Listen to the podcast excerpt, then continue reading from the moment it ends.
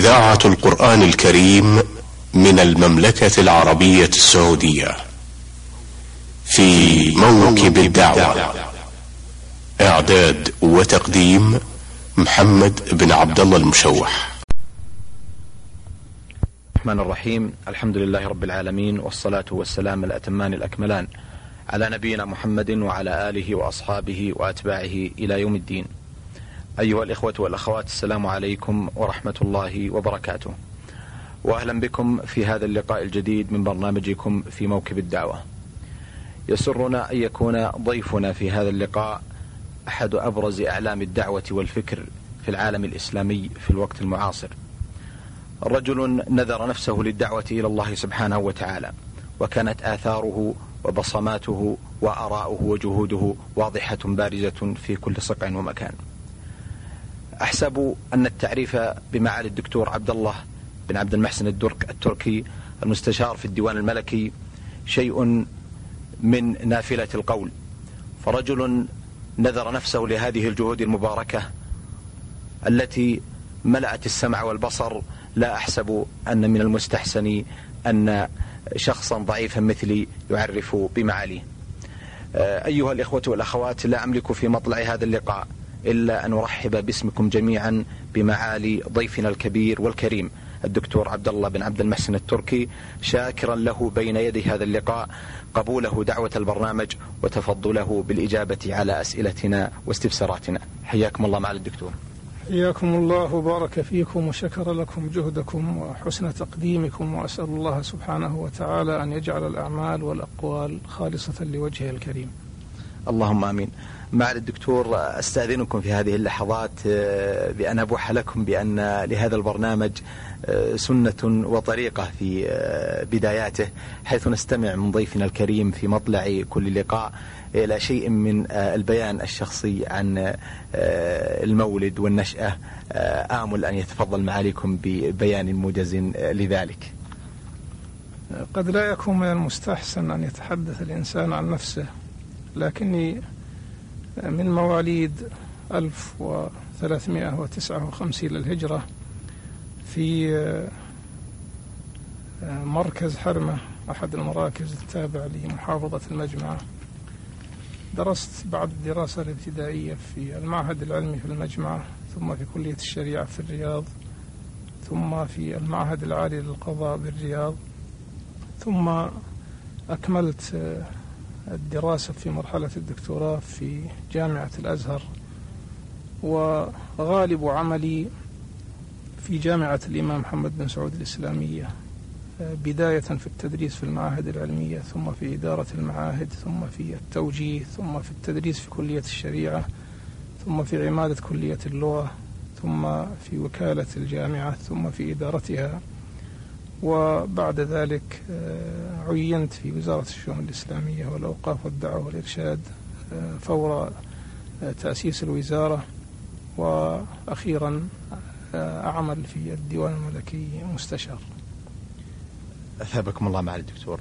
في الحقيقة لا بد وأن خلال هذا المشوار العلمي والعملي والدعوي الكبير الذي عشتموه حفظكم الله وأمدكم بعونه وتوفيقه أن هناك العديد من الشخصيات آه، من العلماء والذين تفضلت أو آه، تعلمتم وتتلمذتم على أيديهم أو تأثرتم بشيء من شخصياتهم العلمية والدعوية.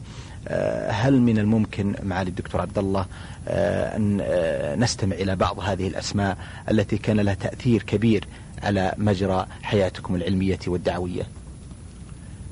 مجالي من حيث الدراسة والعمل في جو علمي ودعوي وصلته بالعلماء والدعاة صلة وثقة في داخل المملكة العربية السعودية وفي خارجها. وإذا تحدث الإنسان عن أبرز الشخصيات العلمية الدعوية التي استفاد منها أو تأثر بها ف آه، لأقصر ذلك على مجال الدراسة والطلب. لا شك في مقدمة المشايخ آه، سماحة الشيخ محمد بن إبراهيم رحمه الله. قد كان كبيرا للعلماء في وقته ومفتيا للمملكة العربية السعودية وأكثر طلاب العلم في المملكة كانوا طلابا آه، عليه رحمه الله. كذلك حضرت حلقات لدى فضيلة الشيخ عبد اللطيف بن إبراهيم رحمه الله. وقد كان له فضله وله مكانته أيضا على طلاب العلم وبخاصة على جامعة الإمام محمد بن سعود الإسلامية حينما كانت كليات ومعاهد لأنه كان رحمه الله نائبا لسماحة الشيخ محمد بن إبراهيم آه، في آه، رئاسة الكليات والمعاهد وهو الذي يتولى مباشرة شؤون الكليات والمعاهد. كذلك من الشخصيات العلمية التي درست عليها في الكليات وفي المعهد العالي للقضاء وفي الحلق سماحة الشيخ عبد العزيز بن باز رحمه الله. وكان له الأثر الكبير لأن دراستي عليه في بعض الفترات ارتبطت بالتعاون في مجال العمل.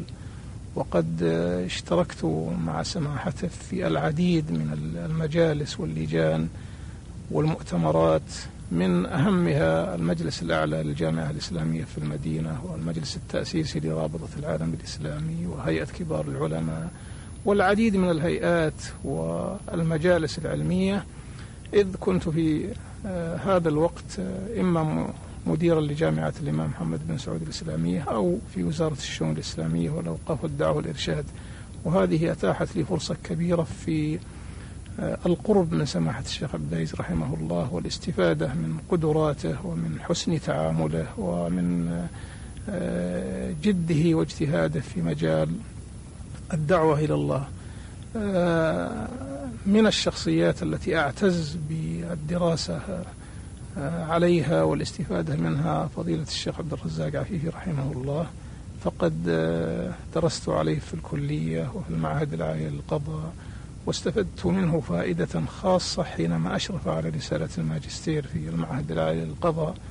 كذلك هناك من فضيلة الشيخ محمد الأمين الشنقيط رحمه الله فقد درسنا في الكلية وفي المعهد العالي للقضاء العديد الحقيقة من المشايخ الذين كان لهم شأنهم في الكليات والمعاهد وفي جامعة الإمام وفي المملكة العربية السعودية. كانت لي صلة بهم وثقة سواء كانت صلة طلب ودراسة أو في مجال التعاون. أما في العالم الإسلامي ففي الفترة التي عملت فيها في جامعة الإمام محمد بن سعود الإسلامية وهي فترة طويلة تزيد على آه، ثلث قرن. وكذلك العمل في وزارة الشؤون الإسلامية والأوقاف والدعوة والإرشاد فقد التقيت بغالب آه، العلماء والدعاة في البلاد الإسلامية عموما. سواء كانوا يعملون من خلال هيئات ومؤسسات حكومية أم يعملون آه، من خلال جمعيات ومناشط فردية سواء كان هذا في البلاد الإسلامية أو في خارج البلاد الإسلامية في أوروبا وأمريكا آه، لا أستطيع أن أذكر أسماءهم لكن من في الساحة في مجال الدعوة إلى الله وفي مجال التعليم الإسلامي في الدرجة الأولى لأن لي عناية خاصة بالجامعات الإسلامية منذ أن كنت في جامعة الإمام محمد بن سعود الإسلامية ومن خلال رابطة الجامعات الإسلامية التي يتولى رئاستها إلى الآن آه، لي عناية خاصة بهذا المجال. ونحن نعلم أن الجامعات الإسلامية الكليات والمعاهد ودور العلم التي تعلم العلوم الشرعية هي محضن العلماء والدعاة وهي التي تخرج الدعاة وتخرج العلماء فهي المراكز العلمية التي يتعرف الإنسان على العلماء من خلالها.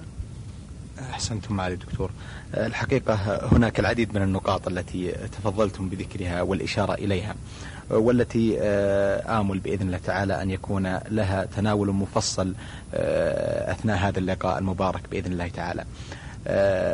معالي الدكتور عبد الله بن عبد المحسن التركي آه، أنتقل إلى جانب آخر وهو آه، يحيط بهذا الأمر.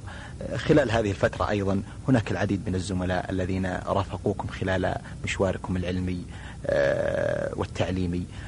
هناك أسماء يمكن أن يستحضرها معالي الدكتور عبد الله بن عبد المحسن التركي.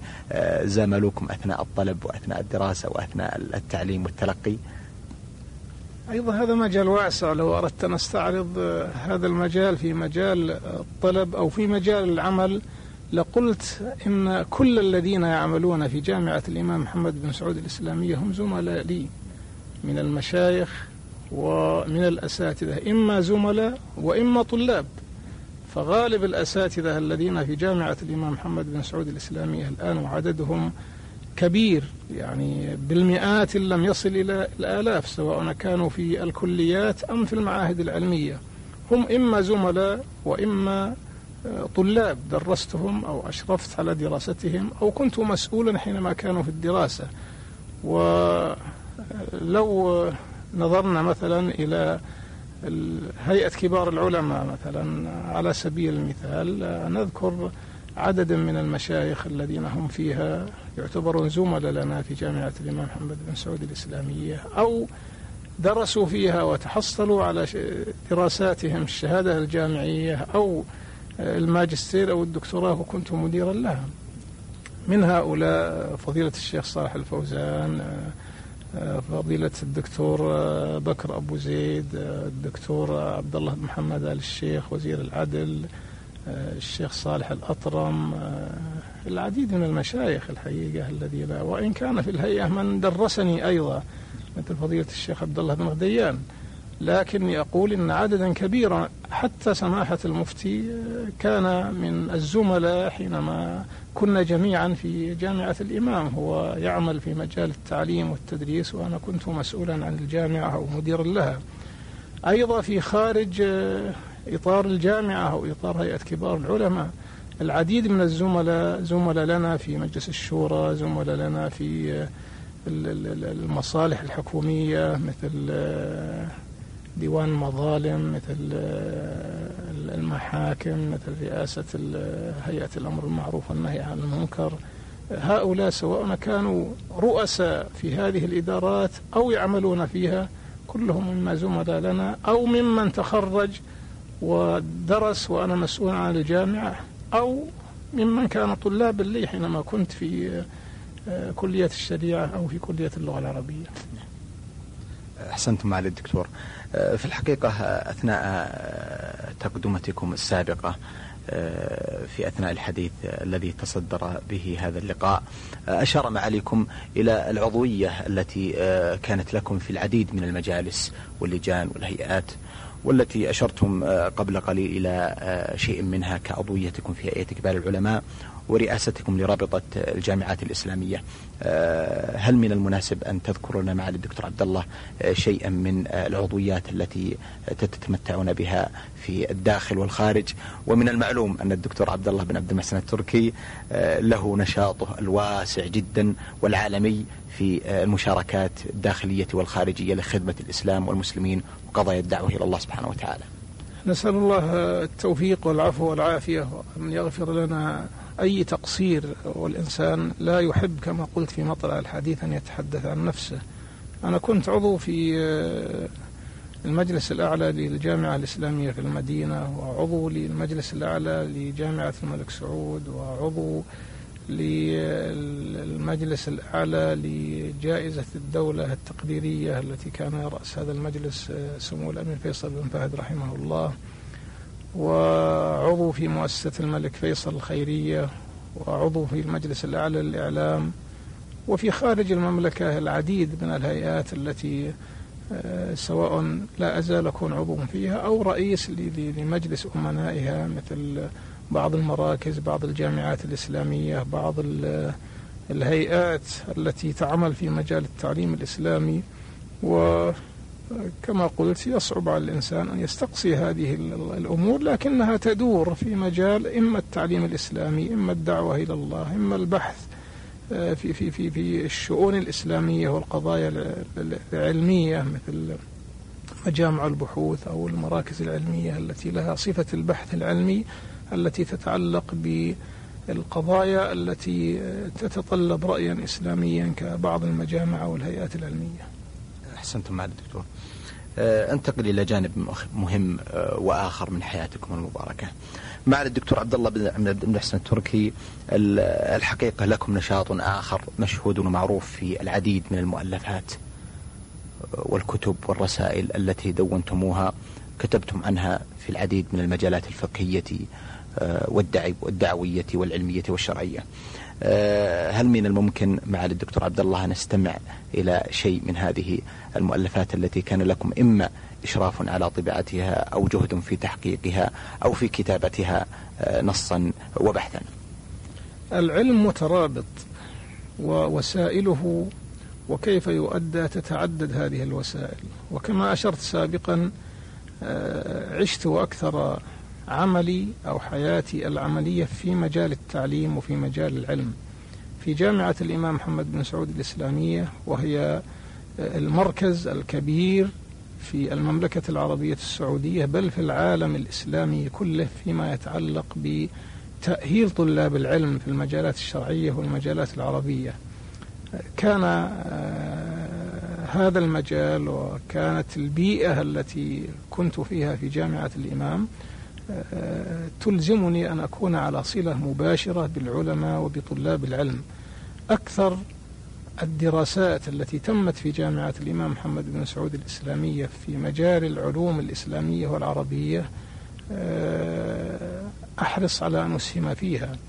إما بالتقديم بالتقديم لها إما بالتقريض لها إما بالتخطيط لها إما بالتعاون مع أصحابها والعلماء الذين يقومون بها حتى تخرج وحتى يعني يحتاج إلى تهيئة الأسباب. أذكر العديد من العلماء لديهم قدرة لكن يفتقدون مخطوطات يفتقدون مساعدين لباحثين يفتقدون بعض الوسائل التي تعينهم يحتاجون إلى رحلات يحتاجون إلى آه، الالتقاء مع بعض الشخصيات العلمية للبحث في هذه الموضوعات. آه، أحمد الله سبحانه وتعالى أن الإنسان له إسهام في هذه المجالات. وأما المجال الذي آه، أقول بأن لي يعني جهد خاص وهو مرتبط بالمجال العلمي فهو في بعض الأبحاث والدراسات سواء كانت رسالة الماجستير أو الدكتوراه أو بعض الأبحاث العلمية التي آه، لي اهتمام خاص بها. خلال هذه الفترة الطويلة كما قلت 39 آه، سنة منذ أن بدأت في العمل الحكومي أو المجال العلمي بعد التخرج. وفي جو علمي الإنسان تكون أمامه ندوات تكون أمامه محاضرات تكون أمامه موضوعات يبحثها ويكتب فيها. المجالات الإعلامية كانت لي مشاركات فيها مستمرة فيما مضى في الإذاعة والتلفزيون في, في موضوعات معينة.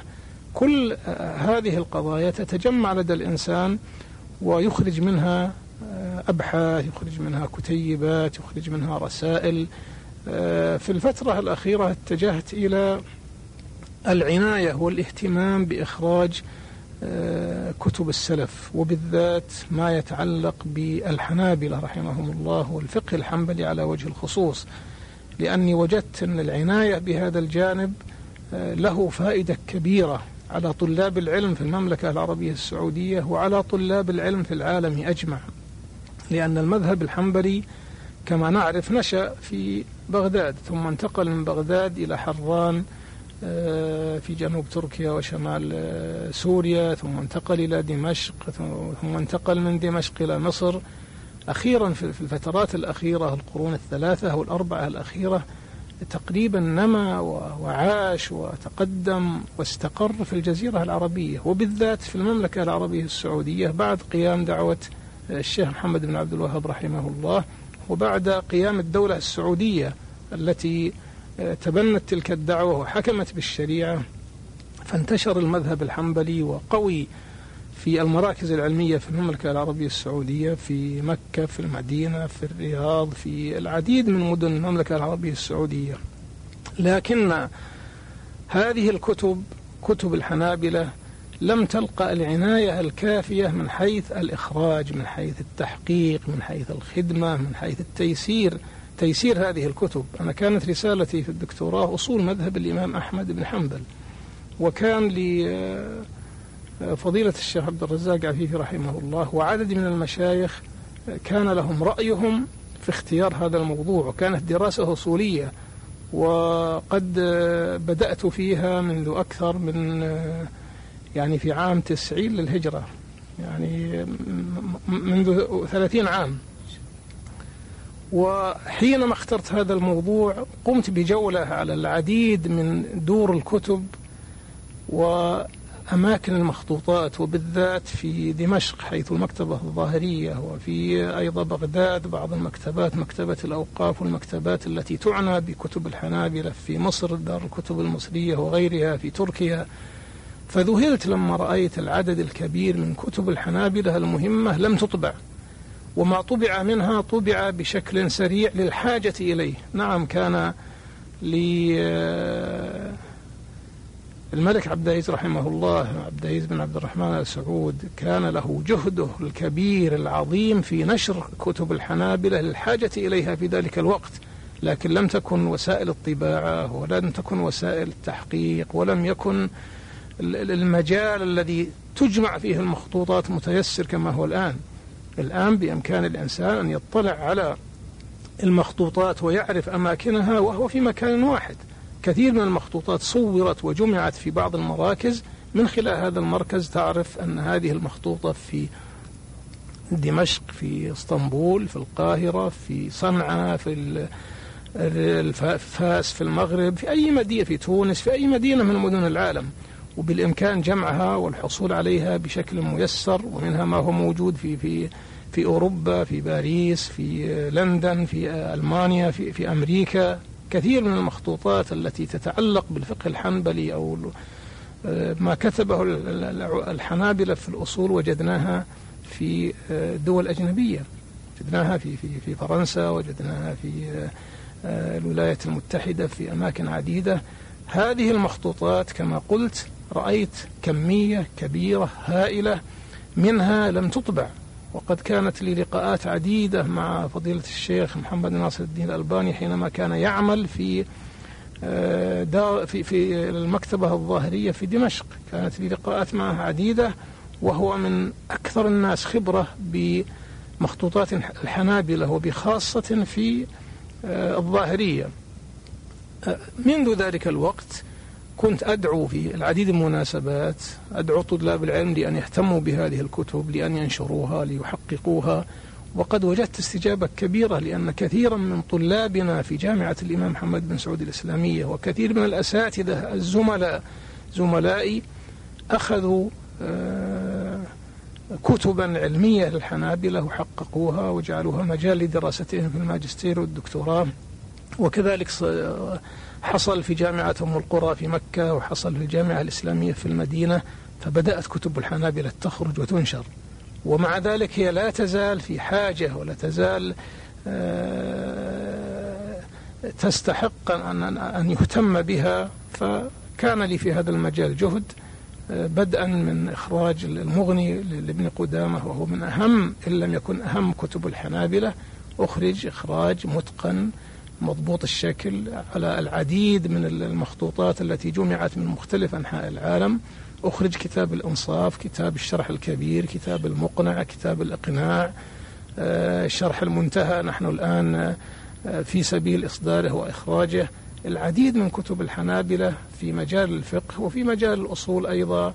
شرح مختصر الروضة للطوفي.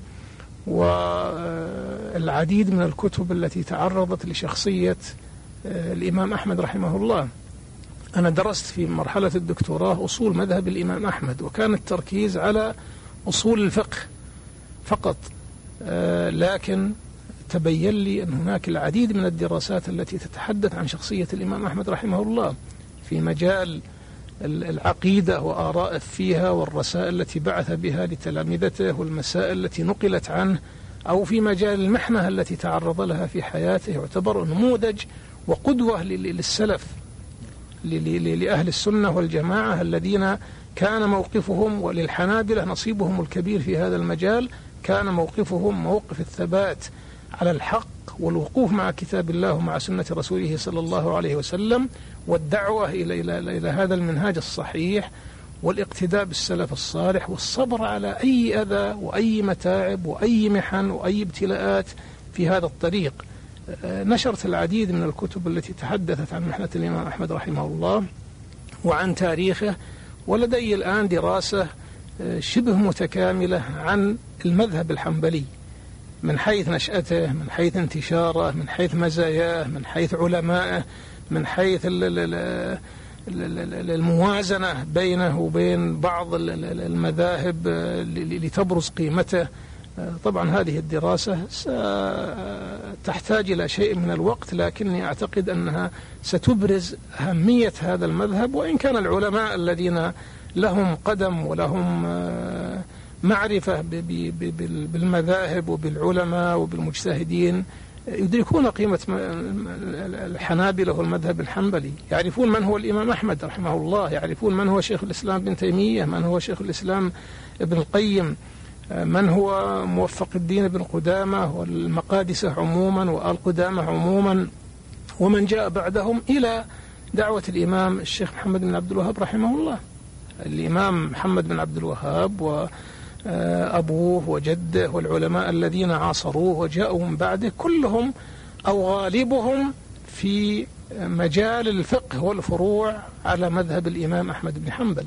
نعم لا يقلدون تقليدا أعمى ينظرون في الدليل يوازنون بين المسائل ينظرون في الروايات التي نقلت عن الإمام أحمد لأن المسألة قد يروى فيها عن الإمام أحمد أكثر من رأي وأكثر من قول فيبحثون عن الأقرب لكتاب الله وإلى سنة رسوله صلى الله عليه وسلم ويتعرفون على الأدلة فهم حنابلة من حيث المنهج ومن حيث الاتباع الإمام أحمد بن حنبل وينظرون إذا كان الرأي ضعيف في, في, في مذهب الإمام أحمد لا يأخذون به. ولذلك نجد لابن تيمية رحمه الله وابن القيم ولأئمة الدعوة في الجزيرة العربية وفي المملكة العربية السعودية لهم اختيارات ولهم اجتهادات يخرجون فيها أحيانا عن مذهب الحنابلة. آه هذه الدراسة آه آه كما قلت هي تاريخية تتعرض لنشأة المذهب ولاستقراره ولانتشاره ولمزاياه ولأبرز العلماء والمجتهدين فيه وأبرز الكتب سواء كانت مخطوطة أو مطبوعة. وهي في مجال اهتمامي. أنا أعتبر نفسي أني آه، خصصت جزءا كبيرا من وقتي لمذهب الحنابلة من حيث إخراج الكتب أو الدراسة عنها. أثابكم الله وجزاكم الله خيرا على هذا التطواف الجميل والمبارك. معالي الدكتور عبد الله نأمل بإذن الله تعالى أن تكون هذه الدراسة آه، قريبة النشر والصدور ومحل اهتمام منكم وعناية وهذا آه، لا شك فيه. آه، أيضا هناك العديد من المؤلفات التي قمتم بها وكتبتموها مع الدكتور آه، إما عن طريق بحوث أو غير ذلك هل ممكن أن نستمع إلى شيء منها والله كما قلت مجال عملي آه، يفرض علي أحيانا أن أتجه إلى بعض الموضوعات. حينما انتقلت إلى وزارة الشؤون الإسلامية والأوقاف والدعوة والإرشاد رأيت أن مجال العمل يتعلق بالدعوة وبعلاقة المسلمين بغير المسلمين. فأيضا كانت لي بعض الأبحاث منها ما يتعلق بالدعوة الإسلامية ومسؤولية الدول الإسلامية عن الدعوة إلى الله. وفي هذه آه، كان أصلها محاضرة ألقيت في مركز الملك فيصل للدراسات والبحوث وطبعت هي تتحدث أيضا عن مسؤولية الدولة الإسلامية منذ عهد الرسول صلى الله عليه وسلم وكيف أن رسول الله صلى الله عليه وسلم أقام دولته على أساس من الدعوة إلى الله.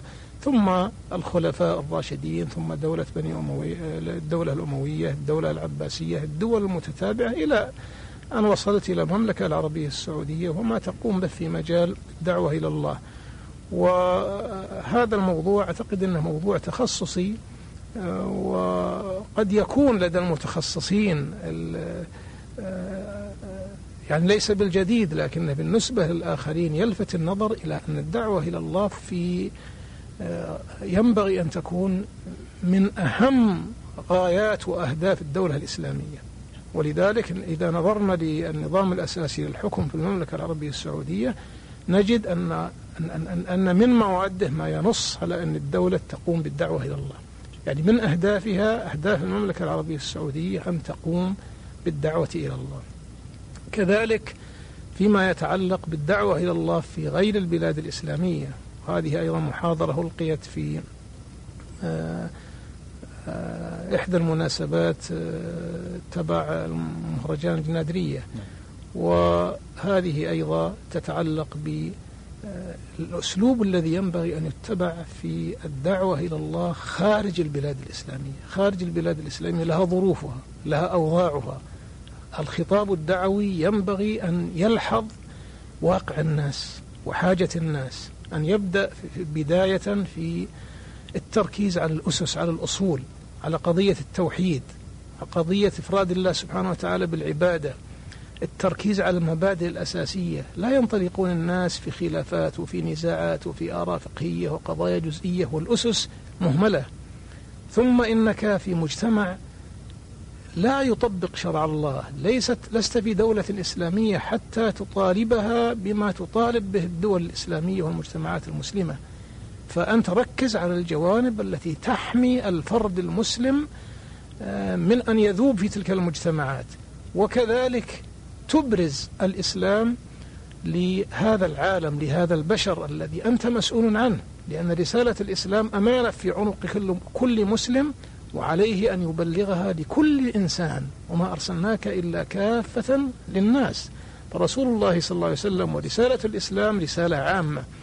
وأمانة تبليغ هذه الرسالة على المسلمين على كل قادر بدءا من الحكام آه، العلماء الدعاة إلى الله حتى على عامة الناس حسب قدراتهم واستطاعتهم. هذه أيضا آه، فيها حديث وفيها تركيز على مشروعات المملكة العربية السعودية وما قامت به في الدول غير الإسلامية. ولماذا كانت تلقى قبول أكثر من غيرها؟ وقلنا في ذلك أن السبب في هذا أن المملكة العربية السعودية آه، تتجرد في عملها وفي دعوتها لمصلحة الإسلام والمسلمين. لا تنظر إلى مصالح مادية ولا إلى مصالح سياسية ولا إلى دعاية وإعلان وحديث عن جهود المملكة ومن هنا ليس هناك مشكلات يتقبلها المسلمون بمختلف آه، جنسياتهم وأعراقهم وتتقبلها الدول وتشجع لا تمانع من أن تقوم المملكة بهذه الجهود. آه، هناك مناسبات أيضا تفرض علي أن أسهم في هذه المناسبات بآراء علمية. أذكر حينما أقمنا آه، مؤتمر عن الإمام عن دعوة قبل دعوة الشيخ محمد بن عبد الوهاب. نحن أقمنا أسبوع عن دعوة الشيخ محمد بن عبد الوهاب في جامعة الإمام. آه، وكانت لدي بعض الدراسات عن آه، الإمام محمد بن عبد الوهاب رحمه الله ودعوته. ومنذ ذلك الوقت وأنا قد أنشر منها شيء في بعض الصحف والمجلات لكن جمعت تلك الأبحاث والدراسات وأخرجتها في كتاب عن آه، باسم تأملات في دعوة الشيخ محمد بن عبد الوهاب تتحدث عن نشأة الدعوة عن مزاياها وخاصة في المجال التعليمي في مجال التبليغ في مجال رد التهم والافتراءات التي وجهت إليها من أناس إما يجهلون حقيقة الدعوة وإما لهم أغراض سيئة. نحن لما أقمنا الأسبوع الذي كان الحديث فيه عن دعوة الشيخ محمد بن عبد الوهاب. طبعنا مؤلفات الشيخ محمد بن عبد الوهاب ورسائله قبل أن يأتي المؤتمرون وأرسلناها إليهم في بلدانهم قبل انعقاد الأسبوع بشهور إن لم يكن بسنة. وقلنا لهم ادرسوا هذه الكتب وانظروا ما فيها. واكتبوا أبحاثكم وأنتم على علم بدعوة الشيخ محمد بن عبد الوهاب وبنتائجها وبالبيئة التي وجدت فيها. فجاء كثير منهم بعقلية تختلف عن عقليته السابقة لأنهم كانوا يتناقلون الآراء والأحكام من من غيرهم دون أن يطلعوا على كتب الشيخ وعلى آثار الشيخ وعلى نتائج دعوة الشيخ محمد بن عبد الوهاب. كذلك آه، مؤتمر تاريخ الملك عبد العزيز رحمه الله أول مؤتمر يقام عن عن عن تاريخ الملك عبد العزيز رحمه الله في المملكة العربية السعودية. مؤتمر علمي عالمي جامع هو الذي تم في جامعة الإمام محمد بن سعود الإسلامية. وقد دعي إليه العدد الضخم من الباحثين والعلماء من مختلف أنحاء العالم. وكنا في الجامعة أرسلنا بعثات علمية تجمع من مكتبات العالم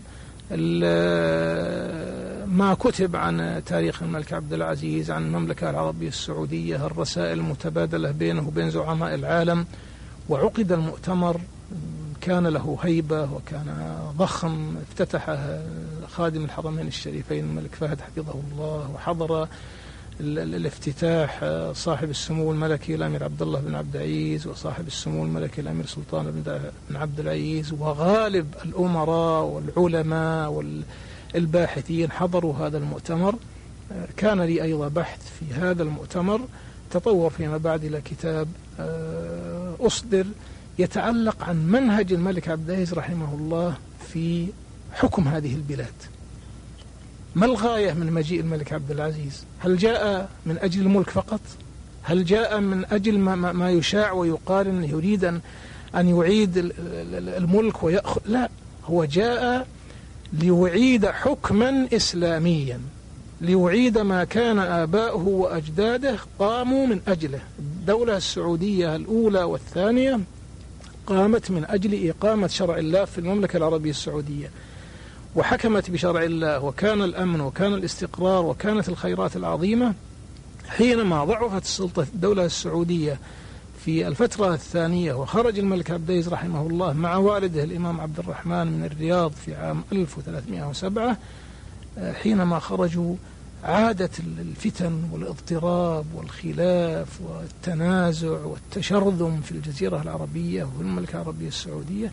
الملك عبد العزيز لأنه له رسالة وابن أسرة تحملت الكفاح الكبير فيما مضى في ذهنه وفي تفكيره وفي إيمانه أن يعيد تلك الوحدة وأن يعيد ذلك الحكم بشريعة الله في المملكة العربية السعودية فعاد إلى المملكة ليطبق شرع الله ليجمع كلمة المسلمين وكلمة أبناء الجزيرة على كلمة سواء على هذا الدين وكافح خلال عشرات السنين حتى أقام هذا المنهج. فكان البحث أو كانت الرسالة أو كان الكتاب يتعلق بمنهج الملك عبد العزيز رحمه الله حينما رجع ليحكم هذه البلاد وليوحد هذه البلاد وليبني هذه البلاد.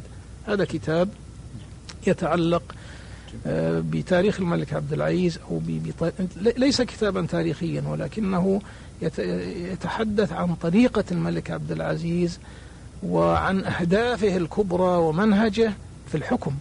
أيضا حينما كانت المناسبة التي اهتم العلماء واهتم الكتاب والباحثون فيها وهي مناسبة مرور مئة سنة على دخول الملك عبد العزيز رحمه الله الرياض. آه، كنت أنا أحد أعضاء اللجنة العليا التي رأسها سمو الأمير سلمان بن عبد العزيز وكان له جهده الكبير في في هذه الأعمال والمناشط التي تمت في هذه المناسبة. وكان لوزارة الشؤون الإسلامية والأوقاف والدعوة والإرشاد جهدها من خلال الأبحاث والدراسات التي تمت في مجال اختصاصها لكني رأيت أيضا أن من المناسب أن أصدر كتاب أيضا يتعلق بشخصية الملك عبد العزيز رحمه الله. هو قريب من الكتاب الأول لكنه ينحو منحا آخر. الكتاب الأول يتجه إلى مجال آه، الحكم والمنهج في الحكم. آه، هذا الكتاب أو هذا البحث آه، يتجه اتجاها شخصيا أي صفات الملك عبد العزيز. الصفات الشخصية التي أهلت الملك عبد العزيز رحمه الله للقيام بهذا العمل الضخم الكبير الذي لم يقم به أحد في ذلك الوقت وليس له نظير في تاريخ الإسلام ولا في تاريخ العرب في الوقت الحاضر. آه، هذه أبحاث أو كتب تأتي بمناسبة. حينما توجد مناسبة يشارك الإنسان فيها و آه، نحن نعرف أن العلماء في الماضي لا يقفون عند حدود التخصص. يكون الإنسان عالم في التفسير وعالم في التاريخ وعالم في الأدب وفي الفقه له عدد من المؤلفات لأن العلوم الإسلامية مترابطة. ونعم يركز الإنسان على على على موضوع معين لكن تكون له اهتمامات أخرى. فهذه الاهتمامات أعتبرها اهتمامات مكملة أو إضافية وأفضل دائما أن, أن, أن طلاب العلم وأن الباحثين تكون لهم إسهاماتهم. لا يحصل الإنسان آه، إسهامه أو عمله في مجاله الضيق المحدود وخاصة في مجال المعرفة الإنسانية وفي العلوم الإسلامية. لأن العلوم العربية علوم اللغة العربية علوم الشريعة التاريخ الإسلامي علوم الحضارة الإسلامية كلها مترابطة. كلها مترابطة. نعم يبرز بعض الناس في مجال معين كما برز مثلا ابن خلدون في مجال علم الاجتماع في مجال التاريخ. يبرز بعض العلماء في في في آه، مثلا التفسير كما حصل بالنسبة للقرطبي أو الطبري. يبرز إنسان مثلا في مجال التاريخ كما هو الحال بالنسبة لابن كثير. وقد وفقني الله سبحانه وتعالى أيضا. أن أسهمت إسهام كبير في إخراج كتاب البداية والنهاية. كتاب محقق متقن لأن الكتاب موسوعة علمية جمع فيه الإمام ابن كثير رحمه الله علما واسعا في مجال التفسير في مجال الحديث في مجال الفقه. طبعا هو كتاب تاريخ في الدرجة الأولى لكن مؤلفه آه، ذو ثقافة واسعة واسعة في مجال, في مجال العلوم الشرعية جميعا. ولذلك آه، هذا الكتاب لا يعتبر كتاب تاريخ وأي إنسان يقرأه يستفيد في مجالات عدة. ولم يخرج الإخراج المحقق المتقن إلا في الطبعة التي آه، وفق الله سبحانه وتعالى وأعان في في إخراجها وهي الآن بأيدي الباحثين. أحسنتم دكتور عبد الله في الحقيقة لم نزل بعد في مشوارنا الأول مع معالي الدكتور عبد الله بن عبد المحسن التركي آه، متحدثا لنا عن تجربته الطويلة والمباركة والنافعة بحمد الله في مجال الدعوة إلى الله سبحانه وتعالى ونشر العلم وخدمة قضايا الإسلام والمسلمين. آه، في هذه اللحظات أستأذن معالي الدكتور عبد الله بن عبد المحسن التركي لأن آه، أتوقف عند هذا الحد في هذا الجزء الأول من لقائنا مع معاليه في برنامج في موكب الدعوة. آه، آملا بإذن الله تعالى أن يكون لنا تواصل في لقاءات قادمة بإذن الله تعالى لنواصل مع معاليه مشواره العلمي والدعوي في خدمة الإسلام والمسلمين. أكرر جزيل شكري وتقديري لمعالي الدكتور عبد الله بن عبد المحسن التركي المستشار في الديوان الملكي وعضو هيئة كبار العلماء على قبوله دعوة البرنامج مبتهلا إلى المولى سبحانه وتعالى أن يجزيه خير الجزاء وأن يمتعه بالصحة والعافية وأن يجعل أعماله في موازينه يوم يلقى الله عز وجل. آه، نلقاكم بإذن الله تعالى على خير في مثل هذا اليوم من الأسبوع القادم. والسلام عليكم ورحمة الله وبركاته. في موكب الدعوة. إعداد وتقديم محمد بن عبد الله المشوح.